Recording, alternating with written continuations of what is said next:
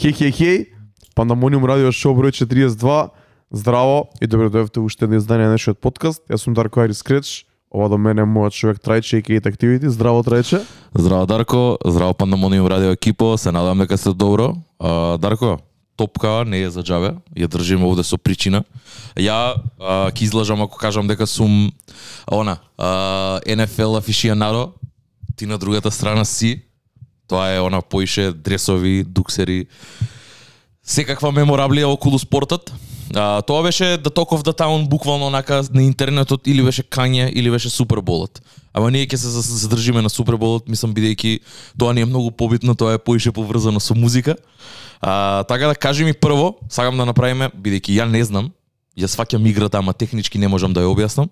Ако саш дај не еден брз рике понака за луѓето што што гледаат, дај го своето видување на на утакмицата, дали тебе ти се свиѓаше и како е на пример од предходните како се споредува со предходните Супер Болс и све тоа.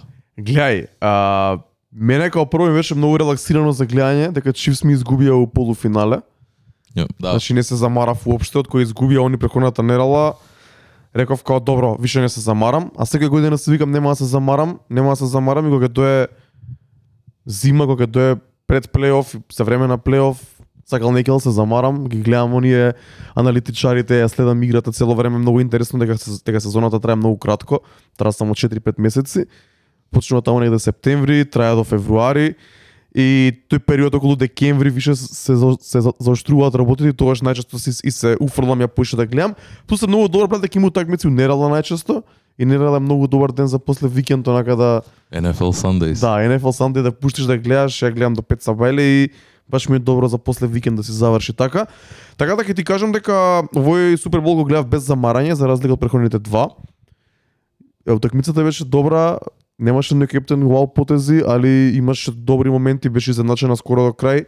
Ќе бидам искрен, тие што малце пратат, ја мислам дека Бенгалс не ни требаше да бидат таму, немаат квалитет, млади се. Шарадо Шиме, Шими Бова кажа дека ова беше утакмица ко All Stars versus uh, Rising Stars, дека едниот тим има супер звезди, си да се веќе повеќето се стаблирани, добри, големи играчи, до, од друга страна другиот другиот тим Бенгалс се многу млади, така да Лос Анџелес Ремс победија, мислам дека многу очекувано, маркетиншки многу добро и за НФЛ, и за целата лига, и за целиот Лос Анџелес и Калифорнија општо, дека за тие што не знаат, Лос Анџелес Ремс почна од лани да играат на нај, најновиот стадион во Лос Анџелес, SoFi Stadium, мора да го проверите тоа и на, на YouTube да видите како изгледа тоа чудо. Стадионот беше феноменален. Стадионот е да. страшно е, модерен, голем, ненормално добар, интересен, таму ќе има настани и од друг и од друг тип, не само НФЛ. Мора да ја проверите таа арена, така да мислам дека општо беше многу добро плюс Лос Анџелес Ремс имаат некои од најголемите звезди во НФЛ лигата, пред се OBJ, Да, Одел Бекам. Одел Бекам Джуниор. Знаеме дека рапериве сите, Кање се пофали дека OBJ му ги фрлил ракавиците пред утакмицата. Уште пред утакмица. да. Знаеме Дрейк дека стави милиони на на Зошто е Дрейк коцкар, брат? Некој нека ми го објасни тоа, брат. Зошто се коцка? И од кај тој и флекс да, да, да ставаш на, на Инстаграм колку пари си Floor ставил брат. floor seats, deep pockets 6, брат. Не знам, не знам, не знам. Чудно, ама нема врска. Ке ке се вратиме на утакмицата. Така да не, тоа е тоа, мислам беше интересно до крај. Имаше некои контроверзни одлуки на крај, али мислам дека Ремс заслужија да победат. Ја лично имам гледано НФЛ многу како мал, како помлад. Уште од мали како деца игравме у Коменски, игравме флек футбол и такви работи, али едно време престанав да гледам. Немав толку време, се фокусирав, гледав поише футбол гледав поише NBA. Али пред 4-5 години се вратив повторно да гледам, ми стана интересно баш поради Чивс, бидејќи игра многу атрактивно и многу брзо Патрик Махомс тука и Лос Анджелес Ремс, пред се поради нивниот тренер Шон Макуей кој е, игра многу интересно, брат. Има многу трикови, има многу така неконвенционални, тренерот е многу млад, има само 36 години и донесе голема свежина во лигата за разлика од оние дека најчесто во НФЛ се многу постари тренери, као 60-70 годишни. Овој е помлад и носи малце поинаква енергија, малце така поинтересно, по-неконвенционално, по-флеши. И баш поради Ремс и Чивс се вратив да гледам НФЛ последниве 5 години активно и мило ми е дека освоија и се надам дека следна година Чивс пак играат плейоф, играат полуфинале, финале и Супербол и ќе освојат нешто. Може да следна година и ја ќе научам онака од технички аспект да ги сваќам стварите и акции и све Да, па, па- треба, па, може па може да гледаме А заедно. збориме брат да изгледаме две-три утакмици Да. и видиш више сите правила ќе стане јасно да. сега после дали ќе ти биде интересно или не. Не, не, не, ко спорт е атрактивен, интересен ми е брат, ама не не можам да не можам да го сконтам онака бидејќи сам на пример би го пуштил. Не можам да ги сконтам акциите, не сваќам што се дешава, ги знам правила, правилата од од како плюс минус, ама има моменти кои што си викам, окей, и сега што као, што се дешава овде, брат? Као Зашто е ова да? Да, да, да, да, да. А од друга од друга страна, правеше со кој гледаше? У, смисла као Супербол има нели Супербол спред се собираат дома храна едно друго. Да. Таква беше Ние атмосферата. фамилиарно гледаме дома, Тоа е тоа. со татко ми и брат ми. Лани бев многу возбуден дека нели беше карантин, немавме што да правиме. Нешто ми беше по две недели после роденденот или една недела после роденденот, не се ни сеќавам, онака и Лани спреми и јадење и се гледавме, али многу се разочарав дека Лани Чифс изгубија многу лошо од од Темпа Бей Баканиерс и оваа година баш поради тоа се викам ајде не се замарам ништо, земавме нешто пуканки, земавме нешто за јадење Лаво. и се изгледавме, али многу убаво NFL Sunday, Топ. кога гледаш без замарање многу боле и имаше добра утакмица, Апсолутно. така да тоа е тоа, они го викаат ова Super Bowl Week, Super Bowl Week беше преходната недела, Super Bowl Monday, ние сме денеска вторник, Tuesday, Јоп. али убаво кажа, тоа се збори по интернетот, тоа беше темата на денот. Дали го гледаше Super Bowl halftime Па, настапот? јас заради тоа и се се ставив буквално онака. Не, не ја ни гледав уживо, буквално се ставив чекав да почне half-life перформансот, пошто кој секоја година онака секаде монументален. Не знам зошто е тоа така. Многу е интересно дека на толкав стадион пред толку луѓе и као вклучени се милиони и милиони луѓе. Не знам, интересно е секад многу пари се вложуваат у тоа и си викаш, ајде да видиме. И годинава многу ми изненаде дека се деси тоа што се случи за луѓе што не знаат, а, настапува Кој не знае бе брат? Да, уствари кој не знае, да, да, да, да, да. Тоа би било многу погрешно. Сигурен сум дека си да знаат дури и луѓе како другар Аце сега ми пише буквално ми вика дали го гледаше вчера, викам како не не ни знаев дека ти ги пратиш овие ствари, ми викам ме врати у време. Сигурно знаат дека имало настап, а после ќе збориме можеби не знаат некои од песните таму. Си, да, Што е друга тема, што ќе малце да, после. да, да, да, да, дефинитивно, види. Као ова беше, ова беше враќање назад, брат. Као лани беше The Weeknd, пред тоа беше Тревис Скот, така беше? Не се сеќам на Тревис Скот. Јас знам дека беше беше Бруно Марс пред неколку години. Океј, сум може, може, може, може би грешам, не е ни битно, но секад биле најголемите звезди онака и сега од тука некаде доаѓа, го најавуваат нешто и си викаш, окей, се, нели, во Лос Анџелес, Тоа е ствари пришата. Калифорнија звезди, најдоброто од Калифорнија. Од каде од хип-хоп музиката, брат? Се разбира. Титани, брат, сите собрани и буквално еден и единствен доктор Дре, кој што на еден начин е на- со сите поврзан околу, значи не се заџаве тука ниту еден од артистите кои што настапуваа не се стајани сосема случајно. Сите најблиски соработници, сите негови протежеа, сите се таму на, на настапот. Он Тоа е беше центарот, он беше јадрото на, на, на, на настапот и сите многу убаво се поклопуваат во неговата приказна кон Лос Анџелес и кон а, неговото работење во хип-хопот повеќе од 30 години. Дефинитивно и да, и тоа тоа баш го имаше сменето лириксот на на California Love кај што дека кај што вели дека 30 години бил во рапот. И види, рап рап, рап музиката следна година, а, ако се водиме по по таа по таа картата по полни 50, 50, години. така, да. Така да 30 години да се биде во нешто што е 50 години живо не е мала работа воопшто, така да а, месив шараут за доктор Дре, бидејќи стварно е монументален момент и огромен шараут за хип-хопот, каде што Знаеш како секад велиме дека е израмнет со рок н рол со дека е у таков хај регард е стаен, она у тој хајар брекет дека рок н рол музиката од сите луѓе интернационално е земена за врховната музика, онака за неглавната, најпознатата, поише од поп музика, брат. Поише, поише е сакана и поише е обожавана тие златни времења. Еросмит, сите тие, Guns N' Roses, сите тие што се артисти од тоа време, од, од 70 80 90 дури. И сега доаѓа хип-хопот и мислам дека со ова, некако и тоа малце уште толку, уште чекор понатаму. Многу ми е мило дека е тоа така. Како ти се свиеше настапот? Феноменален. Имаше имаше имаше некои во смисла, знаеш како?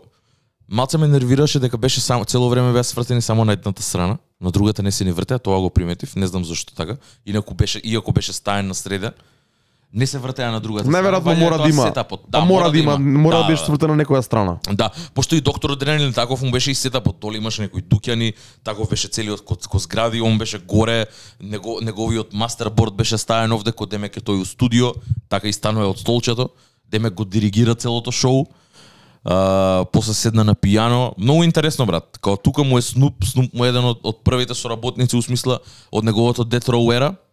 А, Снуп си го направи своето преискулиран, секат on point и вокални способности, никад звучи буквално ко од 90-тите години, сите песни што ги шо, шо ги настапи. А, од тука искочи онака. А, тоа, тоа, тоа ме фати Овгард, брат. овгард. Исто. Скрос. А, fucking 50 Cent, брат. Искочи ко, ко, ко спотот на Инда Клаб, За луѓе што не знаат, види, е пази се, е затоа е добро, затоа, затоа такви спотови, конкретно спотот на Секси Марса. Секси Марса таму се појавува обратно на, на, на, на трагата со, со Кицо. Се појавува, тоа е директно инспирирано од 50 Cent, брат. 50 Cent во Инда Клаб се појавува од озгора во тенк топ, бугарка, бела на него, дурек и рапуе. Или што и да имаше на глава. И овде е истото тоа. Ко тоа е омаш на, на, на спотот, на тој легендарен момент. Тоа кој е? In The Club кој е? Две, 2003 значи 9 2003 Девет, а, албумот Get Rich or Die Trying наполни 19 години пред една Да, недела или две недели. да. Значи In The Club да излегол месец дена два предходно максимум. Така нешто. Значи крај на 2002 почеток на 2003. Луда работа, брат. Луда работа. А брат, сите го знаат тој спот пред некој ден се пушти дома и баш татко и мајка ми Да, да, да, да, да, на- да, да, да, на да. спотот го Го дека видов, да. Баш го, го зборевме тоа на Origins. Тоа беше една од првите песни која ја дома сум ја тепувал слушање и од гледање на спотови на MTV. Да, да, да. Сум имал и на DVD на она спотот бил милион пати пуштен и со тоа долгото интро и со, и со The Club и како се менуваат сцените и он како се појавува.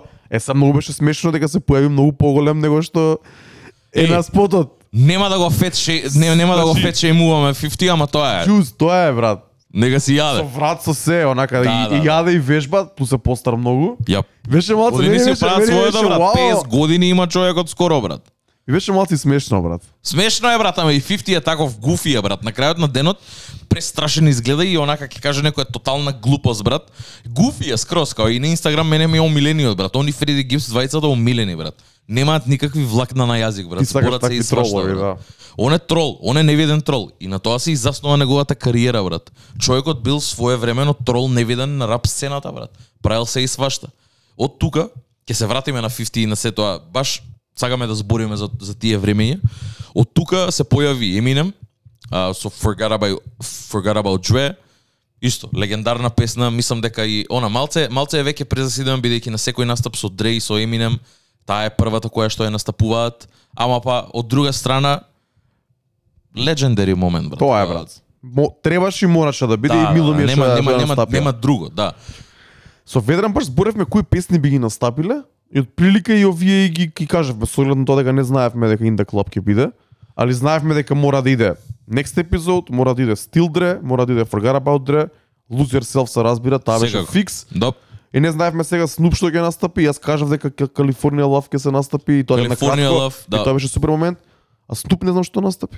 А, Снуп настапи со Па вајде со Next Episode, со- некој дел. да, И вака, не, види, ја кога го видов 50, нешто прво што ми светна у глава беше PIMP, брат. Си реков, ако имаат муда, Не, не, не. Snoop и 50 да ја настапат PIMP, викам тоа ќе биде легендари. Не е онака, правото бе. време место Да, за да, да, тоа, да, да, да. Ама не, разбирам, ме разбираш, ама као за инает на, на, на, на, на стварите као еве вие PIMP. Ќе збеснев, брат. Уште се сеќавам на спотот, брат. И таму има едно долго интро кај што влага целиот облечен у чинчила и све тоа, со стап, со бастун цел таков направен од лакован, брат. Има многу добри моменти. Мери Джей Блайдж да не ја заборавиме, брат. Исто така, еден, еден многу битен артист од тоа време, посебно од 90-тите, каде што а, почнуе почнуе со музика, некои луѓе ќе ја нарачат и R&B Queen, онака кралицата на R&B музиката и своевремено можеби и била тоа. Единственото нешто што сватив е дека веќе жената е во години и се гледа дека вокалните способности, не знам ти дали го примети тоа, дали така се чувствуваш, ама вокалните способности не ми беа таму. Онака има има песни каде што пее премногу предобро и вокалот не беше таму во живо. Се гледа се гледа дека беше она Можеше да се види, а и мислам и, та, и, и такво шоу е таков карактер каде што нема нема нема плейбекс, нема ништо, се гледаше дека вокалите се нивни. Не ми се свиѓаше неизиниот настап во целост. Не настапот ко сценски настап или туку вокалните способности со тоа што настапи. Ама која која песна? Family Affair? Не, не ја настапи. Не, Не, ја знам таа Која- песна што ја настапи искрено, брат. Као се викаше песната бе брат. Не ми ја ша изуми брат. Нема нема ми текне. Како и да едната ја знаев, другата не ја знаев ни ја. А, ма ме разочара пошто има уште песни брат. Тоа и вчера шарауту Владимир се смеевме со Владимир за тоа. Ми вика не ја знам која е жена, вака. Како не ја знаеш Мери Джей Блайч која е брат. Мери Джей Блайч своевремено си имаше хитови брат. Ја ден денес и тоа му го испомнав него. Method Man All I Need со Мери Джей Блайч. Уште ми е онака како топ песна ми е, ме Брат, ама ти да разбираш. чуне All I Need колку е стара, брат. Да, да, All I Need е... 90 и некоја. Да, да, тоа е old school хит, брат. И тоа баш и звучи на дев... звучи на 96-та, 7 онака. Со скречови со све, брат, Ептен Дасти, ако Да. тој ни- ко, тој она Па, танк стил, брат. Мојот мојот коментар беше тоа, брат. И реално и за мене не е Мери Джей Блайч некој многу релевантен артист. Не, не, не, воопшто. Реално да правиме му. Искрено Не ми припаѓа таму не тој припаѓа таму во тој ленап и претпоставувам дека е ставена само поради тоа што е ете жена, девојка да има да биде привлечно ете и за мајките што ги гледаат дома, да биде привлечно и за некоја друга демографија, да не биде толку по наводници тврдо и толку Да. толку длабоко во рапот. Не, не, во ред, ама знаеш Така го како? гледам тоа. Знаеш како? Од од тој аспект па гледам, ама во ред, она е она она прави R&B музика што е поприфатлива и помека, како што кажа. Ама Дре има соработници кои што биле жени од тоа време, брат. На пример, Фокси Браун, брат, со неа The ама- Firm, ама Фокси Браун не е ништо приближно што била Мери Джей Блайч. брат Фокси Браун е порап него Е, па, некој од артистите да, таму да, што апсолутно, таму што апсолутно. настапи е као. И затоа ти велам дека од аспект на на broader audience за за да биде поприфатливо за луѓе, Mary J, Mary J Blige ми припаѓа таму. А вака како лајнап да го видам, она ми она ми штрчи као што бара жена во овде, ме разбираш. исто, исто. Искрено не не знам колку соработки имаат со Дре. Може би најверојатно тие песни што ги има, што ги настапуваше, Па не, Се- она она на- сигурно се- тој период. на. Да, сигурно има многу продукција на Дрейна Скат Сторч од тој период. сигурен сум, да. Раните 2000-ти. После, на крај искочи и Кендрик. Кендрик, о Кендрик, феноменален настап, одличен. Зашто е настапи We Gon Be Alright? Дали мислиш дека п- Еј, види. Ја мислам дека таму падна најмногу атмосферата. Па брат, не е ни песна за атмосфера. Затоа Не е ни песна за атмосфера. порака да прати. Не знам искрено. Брат, Еминем што направи? Што значи тоа Еминем што го направи, брат? Еминем клекна. Не знам Добро, дали не, не, добро, но тоа нема врска, тоа клекнуваат они до ден денес и играчите и ети на фудбал и сегде и у NBA, не знам сега точно што се дешава, ама тоа малце подзаврши тој тренд, ама нема веза, сакам да кажам поглед на настапот All, All Right од Кендрик ми е едно од нај не знам. Да, добро, за тебе Pimp a Butterfly е таков албум, ти него не у смисла него ни слушаш, брат, така да Ама да, кој што велиш, кој не знам. Ама збориме- Валја, валја сакал да валја сакал брат. Не не не не можам да се ставам у неговиот ум за да за да знам што и зошто мислел и која била одлуката што била повлечена да да се да се настапи uh, all right, ама не знам, имаше имаше голема она го, голем шифт измеѓу двете песни, пошто прва беше Mad Mad City. И после беше All Right. Не знам, тоа се две песни, две многу различни песни со две многу различни енергии, иако зборат за слични ствари, зборат за gang life, зборат за ова. Не знам, звукот е многу поразличен и кој што каже, ама че и таа не беше последната песна, после што што што дугаше од тоа? Не, не, ја мислам дека толку тие ги Толку. настапи Mad City Па, и All Right. па, е па, вај- не, не, не, у смисла, тоа беше последната песна на целиот перформанс или не? После тоа се Не, префрли... мислам дека после се префрли на Eminem, на Lose Yourself и после на да. На Still Dre. Добро, мора, и може би го сметале за некој брейкдаун, малце да спуштат, па после пак да те кренат, пошто ако следува после All Right и Lose Yourself, брат, се губиш и ти, брат. Ја, тоа, тоа, се, тоа, тоа ми се деси, седиме со Марија буквално легнат во бака и као полазат, и као буквално ја гледам и само почну и почнувам да ја рапувам, брат. Не се ни сеќам, ти текно и ово го правам само, ко некој old head, брат. Брат. Ама носталгија, разбираш? Мене тоа ми е, брат. Ако нешто ова ми направи, ме врати. И не сум само ја единствениот, тоа многу луѓе, мислам, и, и што ми пишаа, и што гледам, носталгичност е, брат. За луѓе кои што се родени во 95-та, 96-та, порано. Значи, тука некаде, околу 95-та, плюс, плюс минус Не 2-3 брат, години. и минус, И- и, значи Да, да, да, да, да. од од од 80 седма, осма, па Се тоа, навака. да, се тоа што слушало хип-хоп и што било над 12 години, брат, од 2000, 2002 Сите ја знаат песната, брат, и има огромно значење, онака има место посебно кај што ти се ја брат колку и да не го слушам Eminem сега, да ми ја пушти, да ми ја пуш, да ми ја пуштиш а, да ми ја пуштиш тракава као Lose yourself. Да, да, да ми ја пуштиш Lose Yourself. Се губам, брат, ќе почнам да ја рапувам, брат, збор до збор, денес ја знам, се уште. Исто брат. Не, не, не, не постои друга таква трака, брат, ме разбираш? Не постои друга таква трака што можам да ја издвојам, да си кажам, ево, тоа е општо прифатена, брат, тоа е тоа, е таму. Значи, тоа што реков, каде што хип-хопот се израмнува со, со, со рок, Lose Yourself е из, меѓу најголемите класици воопшто во музиката. Не зборам само за хип-хоп, не зборам само, значи збор, зборам за ставете го Френк Синатра, ставете го Елвис Присли, ставете ги Нирвана, ставете ги Aerosmith, ставете ги Guns N' Roses, Lose Yourself е таму горе, брат. И никој не може да ми каже поинако, брат. Истото е и со Sing for the Moment.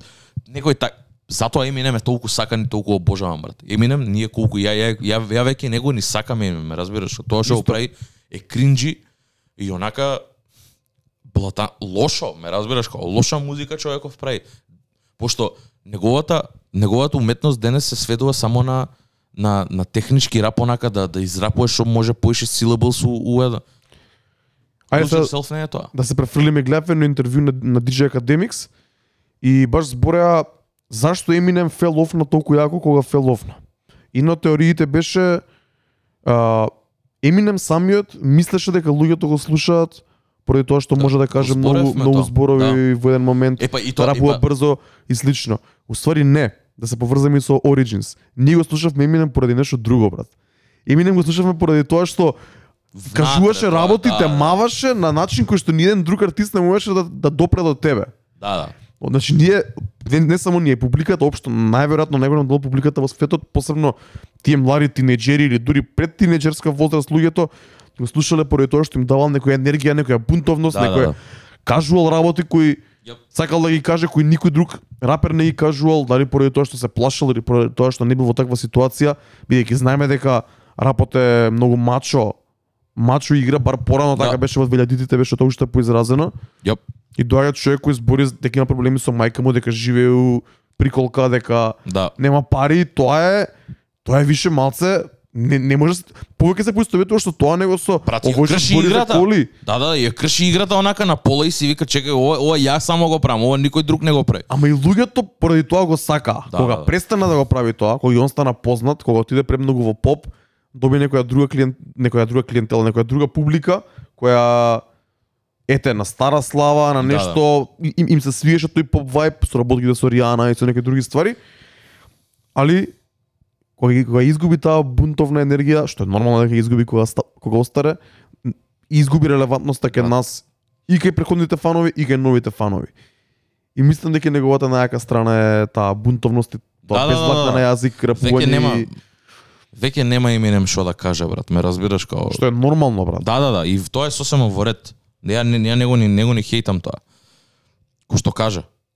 Моментот беше за мене беше 2004 после тоа отиде на хиатус, го немаше до 2009 се врати во 2009 не ни памтам како се викаш албумот со Beautiful со, со тие песни со Bombs Over Baghdad и као окей Beautiful во ред ми беше уба ама као таа беше единствената песна од тој албум брат после тука нели имаше Relapse пак заглави на други но Nothing was the same брат. Тука Eminem веќе мене ми стана као «Е, тоа е отиде битно е ги имаме стариве песни ќе ги слушаме ме разбираш. И тоа веќе и прекинав да слушам Eminem ама тоа што велиш ти него во тој момент он ти понуди нешто што не постоеше во во во, во рап во рап сферата. Тоа Не е само факт. во рапот него. Добро, и во поп музиката постоеше до негде или во таа алтернативна музика постоеше до негде и со панк и со други работи, али он го направи на свој начин. Да, да, да, да. да. Он ти дава хип-хоп музика што има таков она ребел во себе што ти идеш против се брат. Тебе ти дава сил Eminem ти даваше сила за да направиш ствари или, или да си ги мислиш стварите или некој да резонира со тебе ти да си ги опразваш ти мислите што ги имаш у тебе Точно. брат. Дека некој друг го мисли ова на на на на она на глобална сцена брат, дека не, ти Не можеш да сам. си, не си сам, да и Затоа затоа е тоа што е. И затоа затоа овој Супербол перформанс е многу моментален пошто се тоа што се дешаваше, се дешаваше буквално од 97 од 97 96 фактички ако веќе ја сметаме Калифорнија Лав до 2001 брат. 2004 веќе со Eminem со Eminem Show со Lose Yourself. Дека тоа е времето и пак ова ова ова и буквално може да се надоврзаме и на тоа што зборевме од Origins брат. Тоа се времињата ја и ти кога кона кога, кога бевме ко сунгери брат, впивавме се што ќе ни се што ќе ни се сервираше брат. Само наше беше само да го изфилтрираме. Ова ни се свиѓа, ова не ни се свиѓа брат. Повеќето работи ни се И свига. ми се свиѓа дека беше поразлично брат. Ти доаѓа 50 облечено у bulletproof вест, онака со со рани целиот набилдан, ти пи- читаш ти на не, не имаш интернет, брат, читаш во Ти има и во некои Такво списанија. нешто дека бил пукан девет пати дека преживеал брат. Си викаш што пак ја воли да е ова брат, човеков е Господ, ме разбираш? И после читаш уште толку навлагаш, искаче In the Club, искаче Get Rich or Die Trying. После се дешава G-Unit, така Бев монументални навлечен моменти. на G-Unit. Само G-Unit слушавме дома, бе, брат. Нема ништо. Сите албуми Lloyd Banks, Тони Ео не имаше некој добар албум, мислам дека имаше само Да, да, еден. да. Young Исто ми беше интересен, али Lloyd Banks, рапер Ипол, брат. Оу, underrated. Да не почнам да зборам за тоа. Не, underrated не би рекол дека не, не мислам дека треба да е... Лирисист, брат. Лирисист, у смисла, панч рапер, тагов знае да биде. Не рейтам ја Ама да. лиричари, брат. Ама у тоа време, у тоа време, G-Unit тоа што беа брат, исто беше као н- она, не знам, тоа у тоа време постоја Dipset и као се појавува и друг генг од Њу Йорк брат што почна да прави комерцијален хип-хоп брат. И влага ептен ујако индустријата брат, Подржани од 50 Cent брат, он е фронтменот. И овие тројцава други партали исто прават брат и многу се добро прифатени од сите, почнува тука. Истиот хасал го има ко Джейзи брат. Почнува G-Unit Wear, почнува све брат да прави. Многу паметен, многу им имаше тоа беше 2000-те беше таков момент каде што се појавува многу јаки струи. Брат, да не забораваме овде и D12 брат. Eminem имаше цел цел, цел свој бенд брат.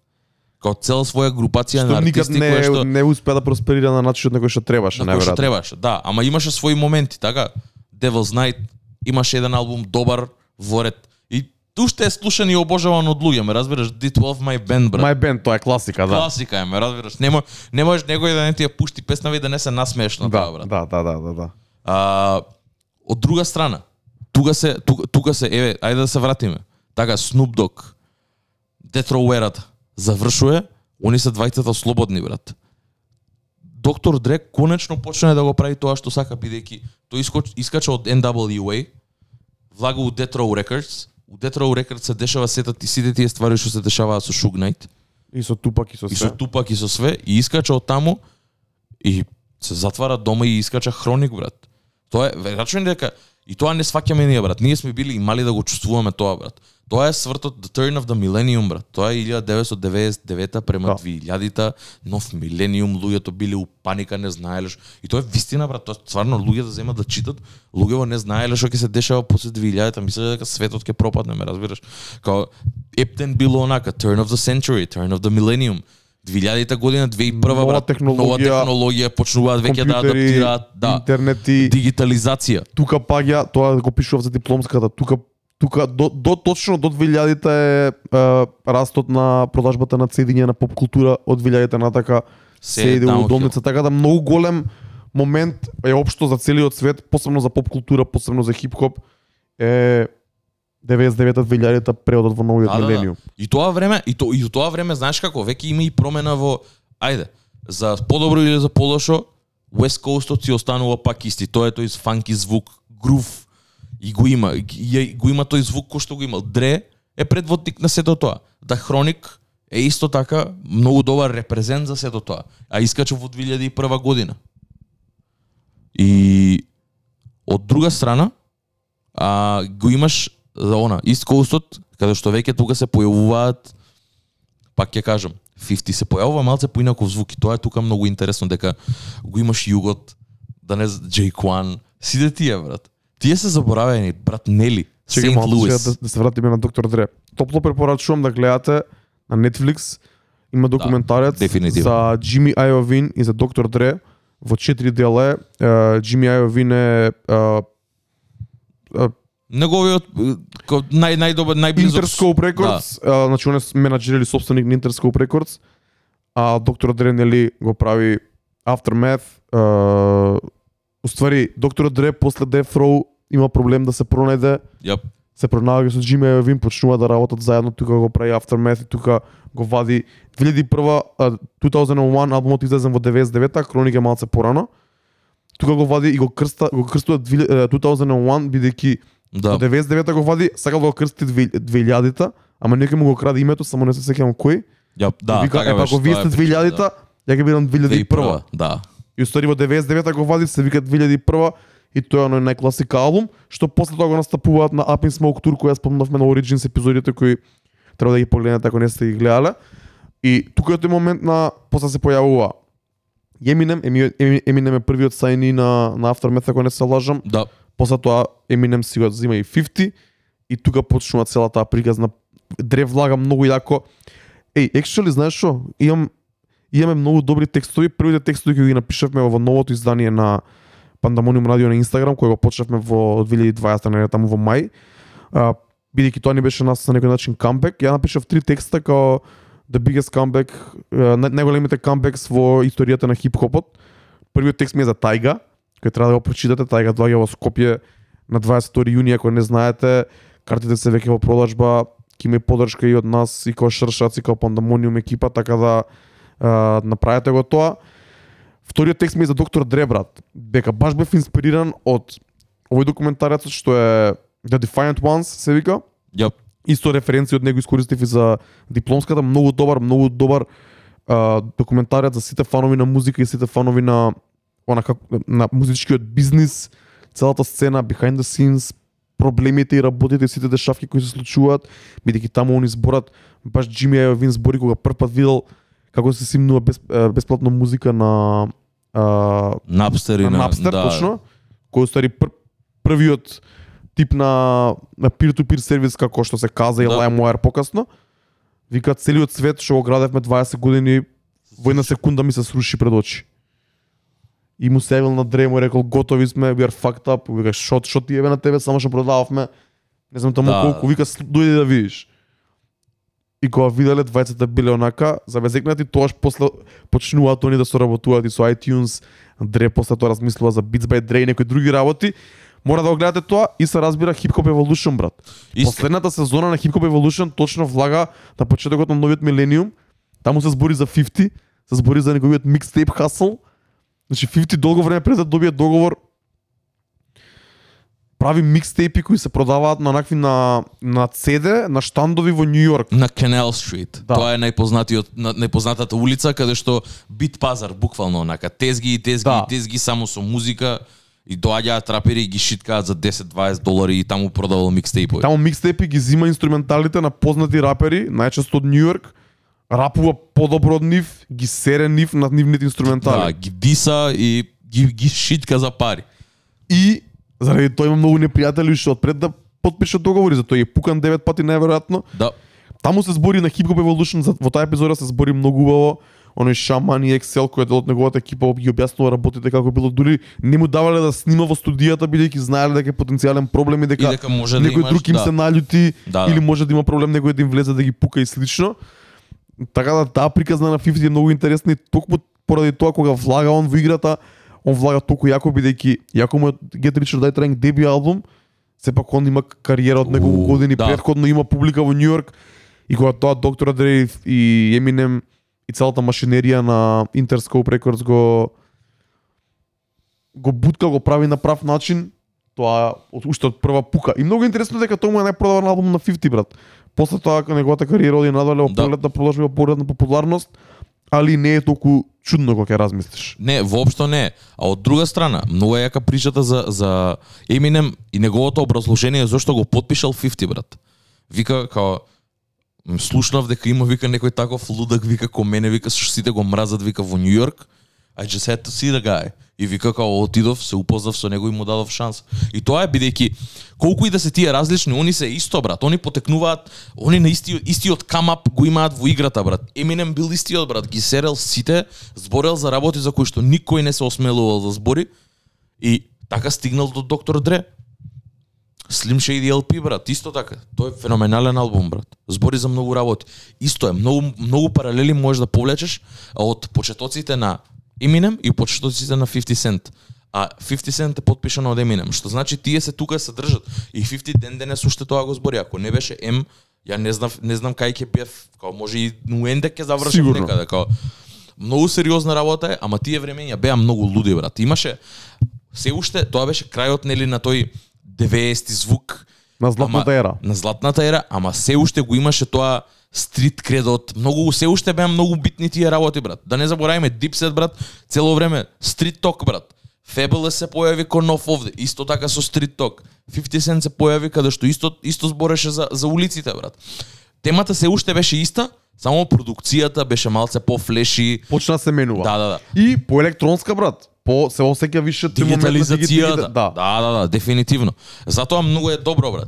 И од тука затоа ти велам, има многу поише струи, брат. Си го имаш West Coast кој што плюс минус си останува таков кој што е. После тоа доаѓаш и East Coast, има веќе тука некои движење се појавуваат струи. Идеш малце појужно, идеш некаде Midwest, се дешаваат многу различни ствари, брат. Таму ствари се почнува да тлее се тоа што после неколку години прави тейковер на Нормално. на целата сцена. Нормално, брат. Jake One, Tipsy. А, Не е ли брат? Не е ли Ка- мислам дека нели? е огромен огромен Country Grammar, најјаката и најпродаваната песна за 2000-та година, брат. А, не, од а, вакво, како се викаше, Hard in Here, брат. Да. Country Grammar, 2000-та година е, брат. Fun fact, лани летото беше 20 години, неверојатно 2001, беше 20 години а, годишнина на албумот. И кога симнав ал- а- албуми на таа страна, го имаш и го симнав и неколку пати го преслушав во кола. Брат, не знаеш колку е различен звукот него еве него Eminem, него Slim Shady LP. Сосема поразлично. Со од, од оваа гледна точка кога го слушам си викам Коде е пет години покасно албумот, а не коде е исто време. Да, да, ептен, ептен, ептен. Тоа е и тоа рачунај дека она од Сент Луис, брат, Сент Луис не е ни толку јужно, ме разбираш, као Да. Midwest е тоа, брат. Тоа е на средината, малце е под Чикаго, брат. Феноменален албум, брат. Тоа преокрет прави. Такви артисти се појавувале каде што ваделе своји ствари, брат. Тука почнуваат Тука се веќе појавува и Lil Wayne. Лил Уейн, брат, исто така. Вирџинија се појавува, тука е Фарел. Многу различни струи со Пуша ти Грайндин 2004 е, брат. точно. Блис, блиску се. Истото го има и на на Hip Hop Evolution. За, Да. за, за тоа Сите се збори. струи, за Фарел. Сите, сите тие струи кои што се појавуваат онака интересно, го имаш западот, го имаш истокот, го имаш а, она а, Нортист, ги, ги имаш сите тие ствари, брат. Ги имаш сите тие ствари каде што имаш многу струи и сите се борат за превласт, ама се борат за превласт не да го направат тоа што е најтрендовско, туку тоа што е нај онак најнивно, брат. Најсвежо. Најсвежо, а најнивно да е, Да. као да се репрезентираат самите себе. Заради тоа у тоа време има таков бум на музика каде што си викаш, окей, можам што и да преслушам брат и да биде феноменално онак. Да не го забораваме југот брат, и Форти тоа време исто така настапува ја, јако на сцена. И Форти е запад, а, да, он Бе- Окленд, Bay Area, Bay Oakland, Area и Lil Jon брат. Lil Jon. Crank Страшно. Music, брат, Lil Jon, да. Атланта. Абе мора да гледате Hip Hop Evolution четврта сезона. Се ова се збори 36 Mafia се појавуваат. Дефинит 36 Mafia во 2006 добиваат Греми, добива, добиваат Оскар. Оскар, да, они се единствените добитници на Оскар за, за музика во филм, брат. Они добиваат за Fast and Furious или нешто такво. Не се сеќавам на тоа. Они добиваат единствените рап артисти кои што добиваат награда уште во 2006 Као се викаше, као се викаше песната Hands in the air. А, има добиено Оскар? Да, да, да. Единствената. Gotta Stay Fly. Gotta Stay Fly. Таа е таа. Да, да, да. Една од единствените песни што има добиено Кендрик, на пример, што има Да, мислам дека, мислам дека и, и Loser Self има добиено, ама не сум сигурен, брат. Искрено не знам, треба да провериме тоа, ќе фек чекнеме за следна епизода и ќе кажеме или ќе пишеме во коментари. Како и да е, тоа време се дешавало толку многу, толку многу ствари што затоа ти велам, ние сме биле сунгири на сето тоа, брат. Ја од Origins се навратив и на плейлистата што ја направив, и ја унапред ги знаев сите песни, ама си реков, окей, ќе земаме еден ден два да ја преслушам и да ја ислушам. Ја ислушав и твојата, ја ислушав и мојата брат. Многу се поразлични, ама звукот е тој си викаш колку различна музика постоело во исто време. Ја и ти сме врсенци брат, ја и ти сме слушале исти ствари. Разбираш како? Да. У смисла музиката што ни била сервирана била таа. Сме слушале и толку многу сме изфилтрирале различно, што за мене останало едното, за тебе останало сосема другото. И тоа го само покажува диверзитетот на музика. Во тоа време. Многу голем диверзитет. Ја тогаш се навлеков на Шон Пол, Akon, Нормално. T-Pain. T-Pain кога се појави, брат. Мислам дека тоа за мене е еден од Тоа беше 2004 2005 2005 е. 2005. Ал- Албумот се вика Рапа, Turned Sanga, значи рапер turned singer. Така. Таму се појава прв пат аутотюн во толкави количини.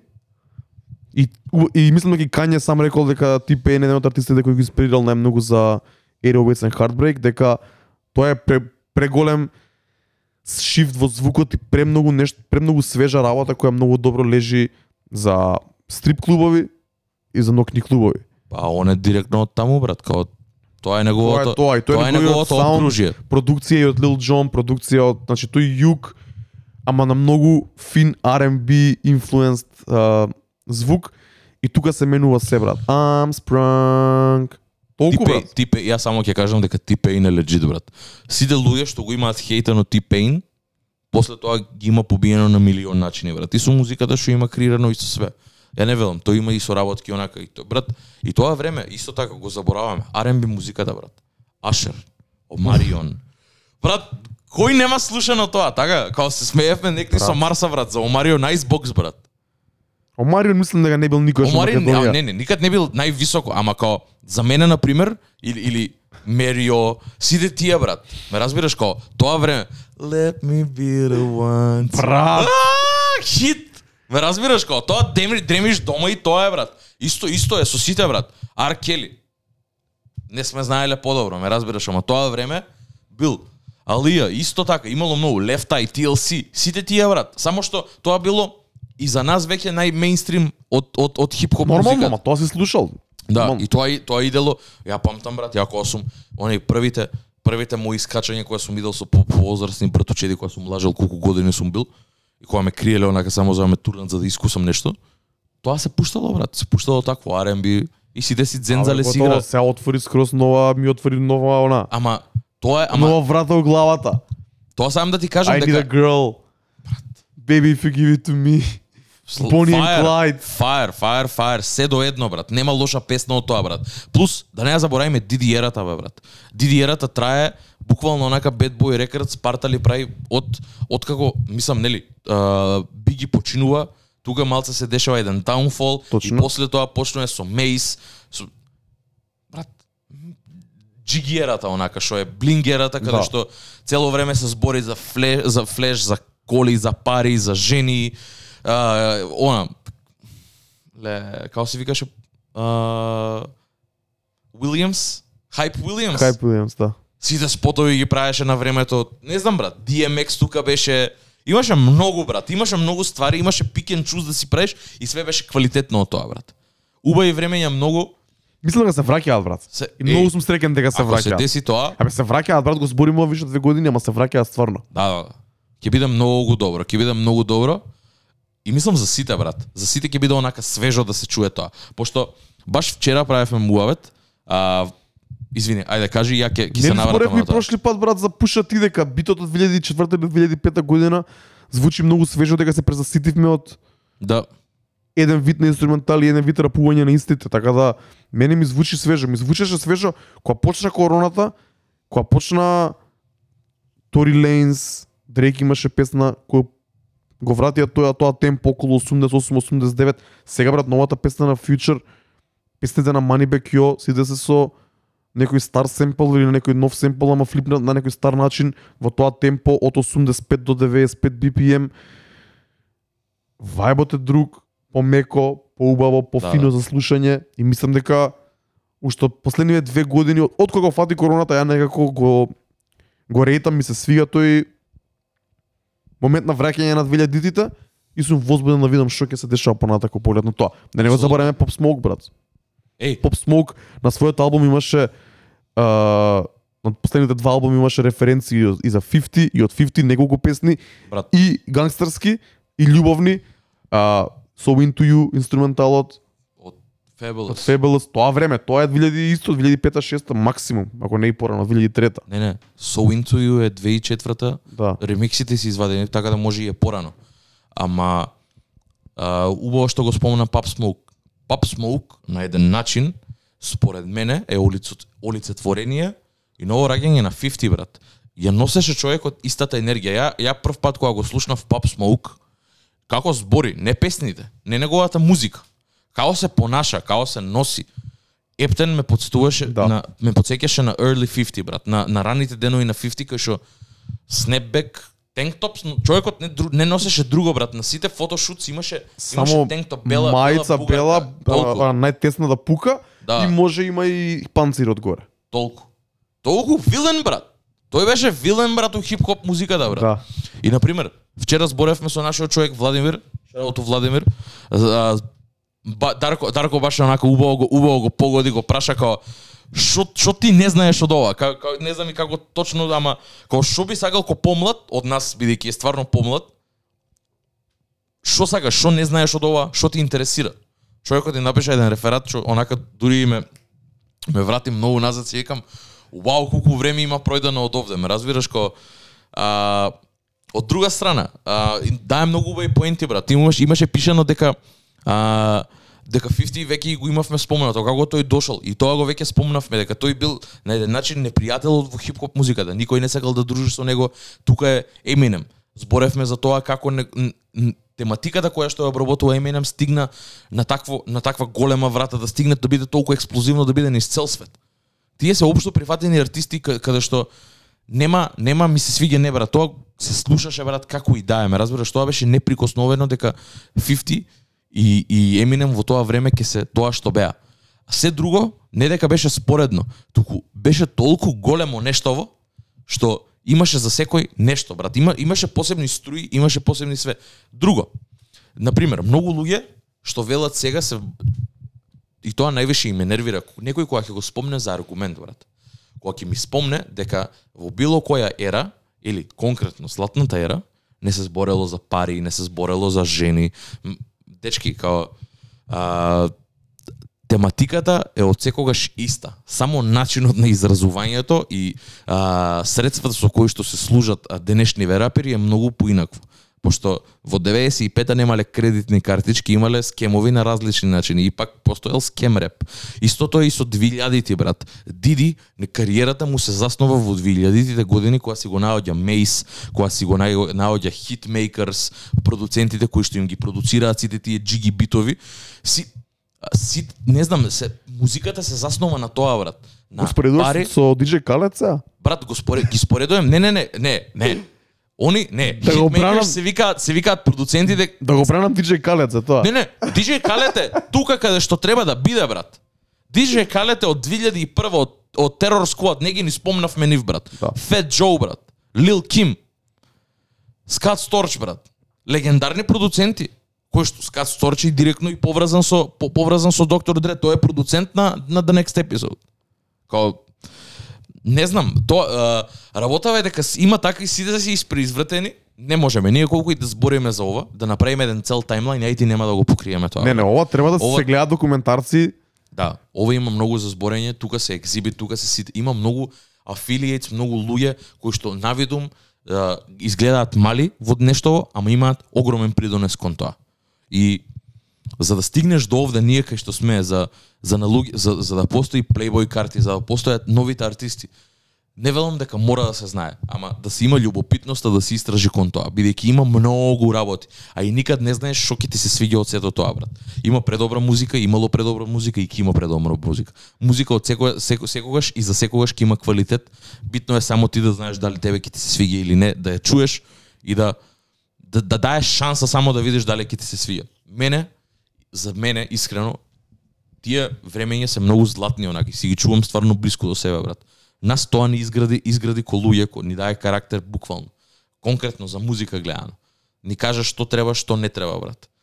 Слушавме и успеавме да слушнеме од кранк до вистински хип-хоп, до олд скул у тоа време, до The Roots да слушаме, до Лорен Хил да слушаме, до нас да слушаме, да слушаме Jake One и Tipsy да слушаме, да го слушаме Чинги, брат, Holiday Inn, Чинги а, и Snoop Dogg, Ludacris, брат, What's Your Fantasy, Act a Fool, Move Bitch, Брат Лудакрис од најљубовна песна Splash Waterfalls. Splash Waterfalls, нек не ја слушав, брат, ја имам на плейлиста стајано.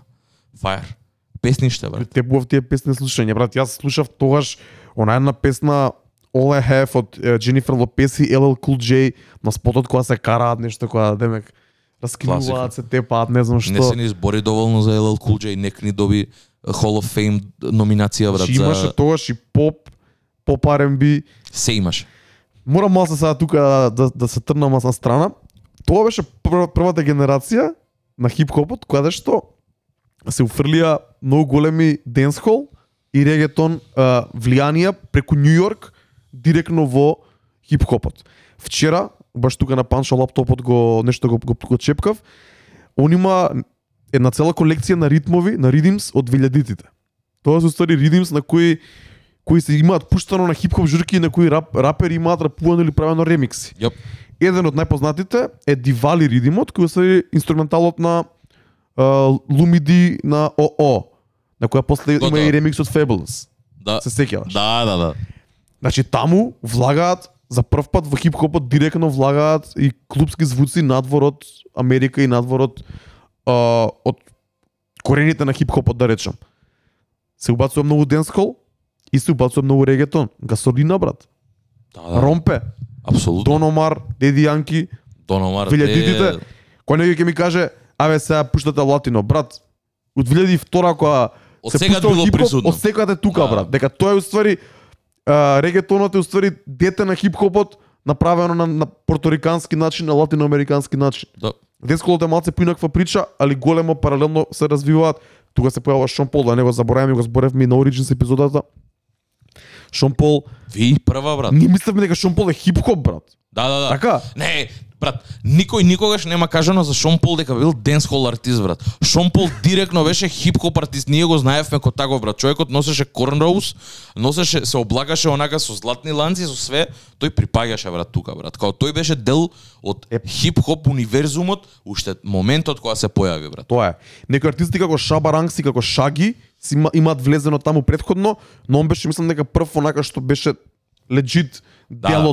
Од таа сцена. Шаба Ренкс, Кати Ренкс, сите тие, брат. И тука морам да ги спомнам и DJ Khaled го спомнавме, DJ Khaled за тие што го испневаат за децата што не знаат што прави, DJ Khaled бил DJ на радио уште тоа време, Јап. клубски DJ, многу од музиката која била популарна, он има живеено во Мајами, ако не се лажам. А, голем од музиката која била популарна, он ја прв ја ја пуштал, а, тоа се вика на сленгот break a record, to break a record, да го направиш да биде познат Да. па една песна биде позната. И морам да спомнам Лил Џон брат. Лил Џон денес кога луѓе му се смеат дека настапува на EDM фестивали, дека само се дере, дека пушта некои такви парти музики. Јас слушам неколку подкасти кои се диџејски подкасти со диџеи од Америка и Лил Џон е еден од најреспектираните диџеи во Америка бидејќи он почнува на своите почетоци како исто како радио диџеј, како клубски диџеј, како продуцент Така. прави хип-хоп за после, за после тоа да го изгради, изгради кранка движењето и да преде од диџеј кон повеќе кон артисти, кон MC, да речеме во преден план. А, верс, благодарение на Versus битките се потетив на денскол ремикс на Кейплтон на песната Тур од Лил Џон, направено 94-та брат. Значи Лил Джон има направено денскол, има денскол песна направено во Boom Bap ремикс, ја има пушнато низ цел Нью Йорк да се слуша таа песна. И така, устори Кейплтон и така првите моменти на денскол и на Јамајка се враќаат во Нью Йорк преку еден од тие ремикси. Прелудо. Тоа е невидливото значење на луѓе како Лил Џон и како DJ Khaled, Затоа велам. кои во денешно време се можеби смевани, абе што при овој ги собрал сите артисти на едно место. Па треба да Тоа можеш му е да, треба да можеш да ги собереш Да. артистите, треба да кога ти се јави некој да кога ќе му се јавиш да ти крене на телефон, ако ништо друго, така. Само DJ Khaled може да ги стави Ријана и Брент Фајас на иста песна, и, тоест а, така и да да функционира тоа брат. Као не не Брент Фајас извини, а, Ми збориш за ремиксот на Марија Марија? да, Wild Thoughts. Wild Thoughts. Шо и да е брат, добра песна е, ме разбираш као работава е дека човеков усршта е продуцент кој што знае што треба да направи за нешто да профункционира брат. Стрип клубовите, Атланта, диџеите таму, диџеј драма, целата приказна брат, тоа потекнува од таму. Тие луѓе се намет се се, се, се створени за такво нешто. Funk Flex бил долгогодишен диџеј во The Tunnel. The Tunnel во Нью Йорк Најлегендарен клуб. најлегендарен клуб каде што имало пукотници, каде што Source Awards се одржувале секоја Да, и година. кај што раперите доаѓале на журка, и очим било јако, се качуле на микрофон, ги рапувале своите нови песни, да ги представат пред Тука луѓето. Funk Flex ги вадел, ги снимал и ги пуштал по, ги пуштал на Hot 97 брат.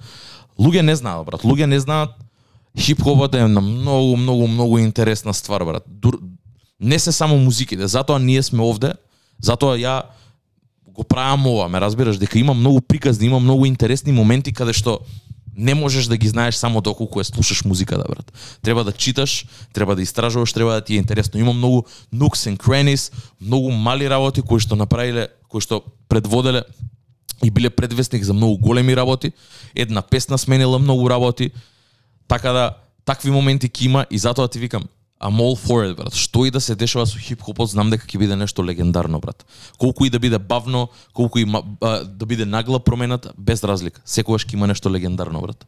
Кажи ми тебе, што ти е работата што те потсеќа прва работа кога кога се каже 2000s хип-хоп, на што те асоцира тоа? Eminem, брат. Ја нема лажам, Eminem. Мене тоа ја ја дека растев у тоа време стварно ми беше Eminem, брат.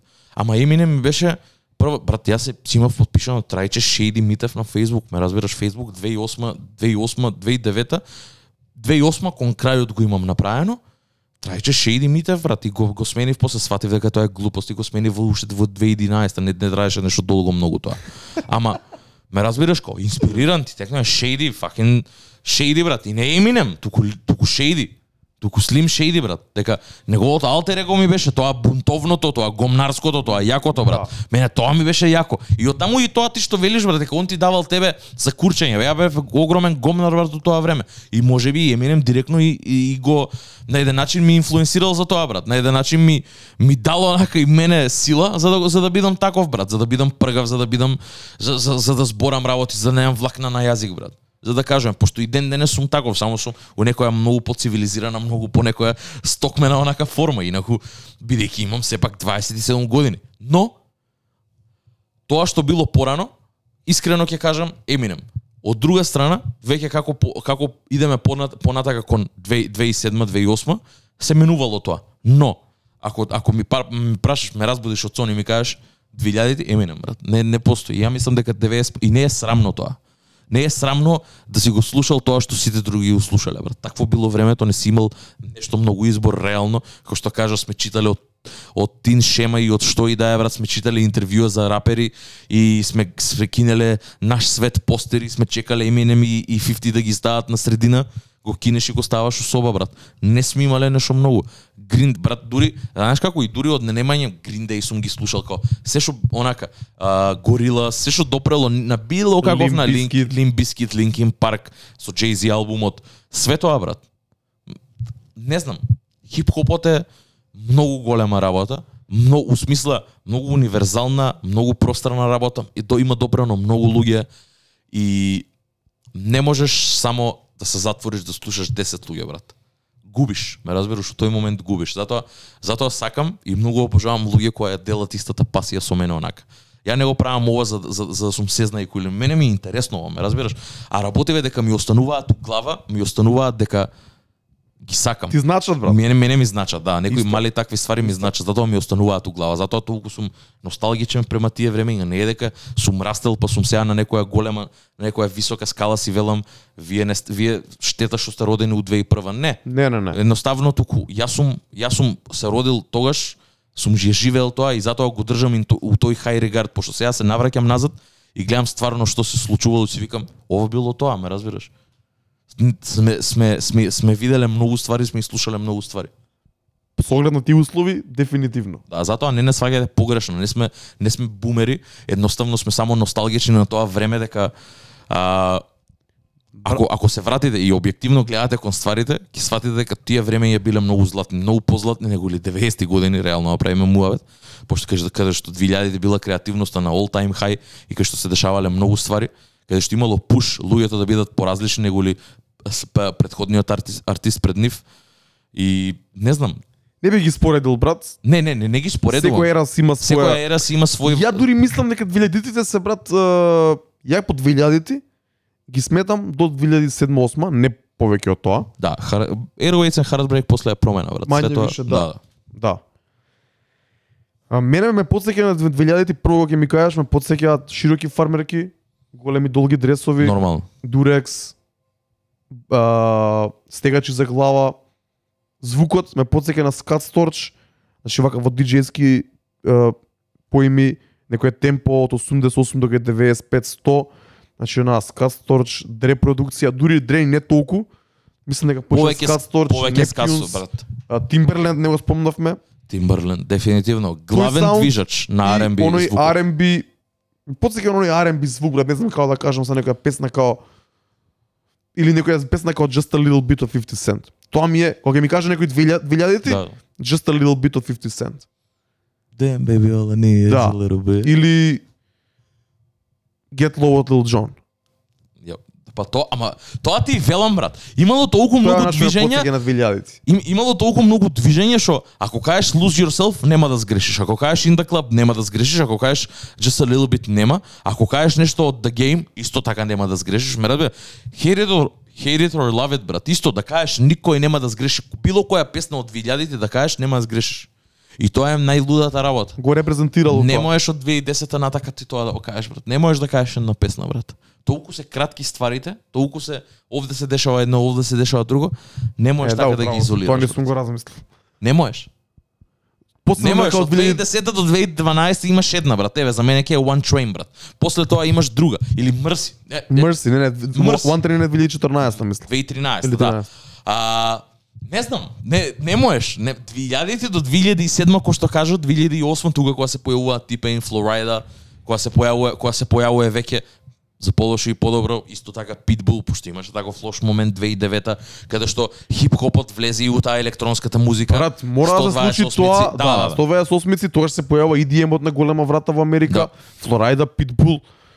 Брат, ние го слушавме Питбул. Искрен ќе бидам. Ја ја го мразав од сега, брат, Искрено видам, брат, ама се слушаше по клубови кај да иде се пушташе. излагавме, да, го да. слушавме, тоа беше тоа. Неизбежно беше, да. Дури кога се појавија и LMF и Йоги слушавме, брат, тоа беше парти музика. Иако може би не беше хип-хоп, ама и они доаѓаат од од хип-хоп води. И они се диџеи кои пуштале на open формат забави во Лос Анџелес, каде што имало примерно хип-хоп, Да. али уз тоа и сите други правци. И после тоа прават музика која е популарна за младите Па. од Лос Анџелес и, сти- и стига до целиот свет. Тоа е. И таму се појавија Лил Џон, за после две години врз основа на тоа се појави EDM трапот. Да, За, да. за мене таа е еволуцијата, брат. Се е поврзано. Од друга страна, не, не, не дека ги споредувам, но шансите да чуеш Pitbull во 2010 или 2011 искочен у клуб, си исто толку колку денес да го чуеш Тревис Скот. Секако го слушаш, ме Да. разбираш? Нема шанси да не го чуеш, брат. Не пораѓа вечер, брат, tonight да не ја чуеш, брат, ме разбираш? Тогаш и Риана кокетираше со тој па, звук. Дефинитивно. Риана искочи прво со Ама со ќе видиш дека сега за две-три и години после ќе биде тоа- тоа и После интерес. тоа се префрли скроз. Се надам дека нема искочи- таа музика ја мразам искрено брат. 128 нека се тргнат од хип-хоп музика. Брат се враќаат сега, знаеш како е, исто малце диџејски муавети, една песна после 7, 8 до 10 години веќе преоѓа од значи првите година 2 3 е нова песна или првата година е нова песна, после тоа е две години пример естаблиран хит, кога знаеме дека ова проаѓа, после да има период на треба малце да одмори, да маринира, Да. значи малце на страна, не се пушта више оваа песна, готово, доста е брат, се презаситивме, три години ја слушаме секој четврток, Јап. секој викенд по три пати, окей е, поминува, одмара 2-3 години, 4 и после тоа после 7 пак, 8 да. година се враќа како троубек момент. Да, да, да. И затоа сега се враќаат тие троубек моменти да 2000-тите кои више имаат поминато и 20 години, можеби 15, 20, да ќе видиш дека за година 2-3 ќе се вратат и овие овој период околу 2010-та. Мене на пример, е ќе ти кажам личен пример.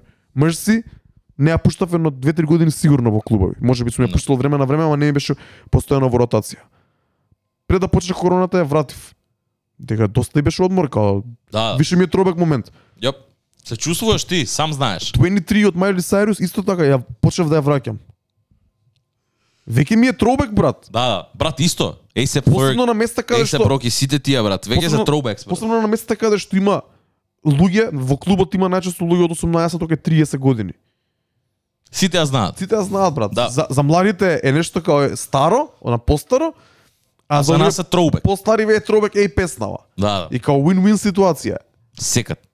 Апсолутно. Е сега лошо е ако јас сум останал да ја пуштам 10 години без прекин секој секој викенд. Фер. Уште ја пуштам. Фер. Тоа е више проблем. Фер. И затоа мислам дека ќе се врати ќе биде интересно дека сега што ги слушаме вие во Мајами, во, во Лос Анџелес, во Њујорк, има забави каде што се пушта музика од 2008, 9, 10 поп поп музика, такви некои работи со кои што ние израснаме, Майк Поснер и некои такви такви ствари. Майк Поснер? Да. Значи, кај Нас... Време се немам сетено на името. Вау.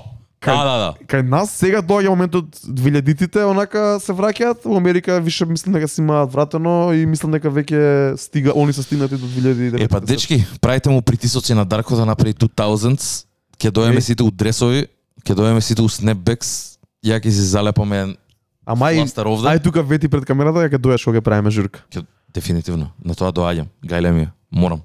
Морам. Сункам, да знаете Сункам, само. дефинитивно. Тоа ќе се то брат бед бој ера. Ќе не знам, ќе барам дресови. Брат. Тие дома што ги имам не ме собираат дефинитивно, ама ќе се најде дефинитивно. Мора некој она стар дрес, не знам, брат, од Денвер ќе се најде нешто. Ти Е, бе, дека. Мело 2004 Гледај, широки фармерки се вратија, така да ќе Да. тоа можеш да најдеш лесно. фикс. Фикс, фикс, фикс, фикс. Мора да се најде нешто, ама како и да е, брат. Фластер ќе можеш да ставиш Throwback, или нема да бидеш журче, нелити. throwback журче мора да се деси, брат. Онака, after the party is the after party, брат. Така? R. Kelly, Jay-Z, мора. Мора, мора. Ти, тие времења, брат. И знаеш што ќе биде најголемиот майндфак?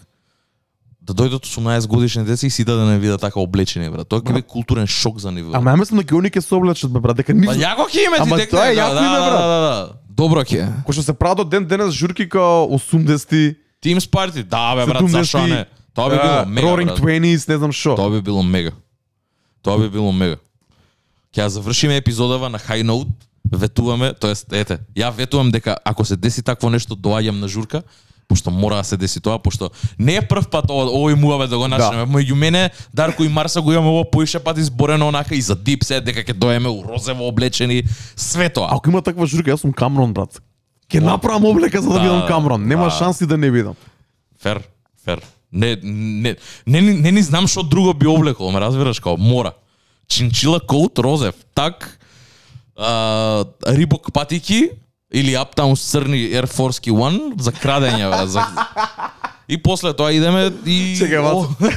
Бранко, видели- три коли. Видели дека древеше, дека древеше облечен у црни Па ерфорски. само нормално е, бе, па но миц. Кој носи миц, брат? Миц црни, брат. Не, не, не, не, деца, no, no. Бели, бели, окей. Мит, леле, мит колку... Види, вака, за Air Force Ones, Хайс, нема нема простор, брат. Тоа не постои. Ги имаш видено, знаеш како изгледа Знам, со целата врста што се Да, да, да. да, да. Тоа е најлошото нешто, брат. Миц се прифатливи доколку се бели, а Uptowns, ако носите Lowe's црни, тоаш крадете, ме разбираш, као или идете банка да обиете или идете кола да обиете. Брат, Не, нема. јаки, значи многу јаки меми имаше за ова. Е, тренерот на Чивс пред две години кога направија пресврт, но што црни црни Ја- ерфорс. ја украл утакмица, Да, девек за тоа толку лудо играа на крај. Дека девек blame it on the on the Black, Black Air Forces. Force Ones. А иначе исто така на The Defiant Ones uh, дрес бори размислувале кај да влезат со бизнис она uh, бизнис потек што да направат следно, ајде да правиме патики он и он он вика сам. Брат, сватив дека не сакам да правам патики. Сватив, сватив дека носам само едни патики, само бели Air Force Ones. Не кем да правам друга патика, ова е совршена патика, мене не носам ништо друго. филмот, брат. Мене до ден денес ми е тоа, брат. Ја немам купено Fresh Air Force Ones последниве 3-4 години, тоест не, лажам, 2 години. Ама за бели уга, треба да се купат дефинитивно да се подновам, брат. Едно време носев само такси. Стейпл. Да, да, Последно исто, време ја, сменив, после, али после, после, после вратам. трета средно, брат, четврта на, на, на, на матура идев у таксидо и доле има Flow Air Force Ones бели, брат, ме разбираш, тоа беше... Тоаш миц носев тој период. Да, ја, ја носе Flows, брат. Миц има едни и онака. Не, не, не, ми, не треба, не, не веа за, за на костум, ме разбираш, за, за на таксидо. Црно-бело и си купи бели ниски. Фаер, брат, тоа е. Такви беа времињата, тоа правевме, брат, не знаевме поинаку, брат. Ме разбираш, тоа ни беше тоа имаше, го брат, што можеш да најдеш плюс. Реално. Еј, мислам дека ова беше добар муавет направивме, навратив, се навративме назад у време, пак. А, и не знам, пишете ни, кажете ни, ве молиме, пишете ни е, онака и вашите искуства доколку сте биле таму, доколку сте се сеќавате, се сеќавате на ова тоа што зборевме и ние. Ќе разврземе некоја дискусија и се гледаме у следната епизода. Дарко? Се гледаме следна недела. Фала и поздрав до сите. Чао! Чао.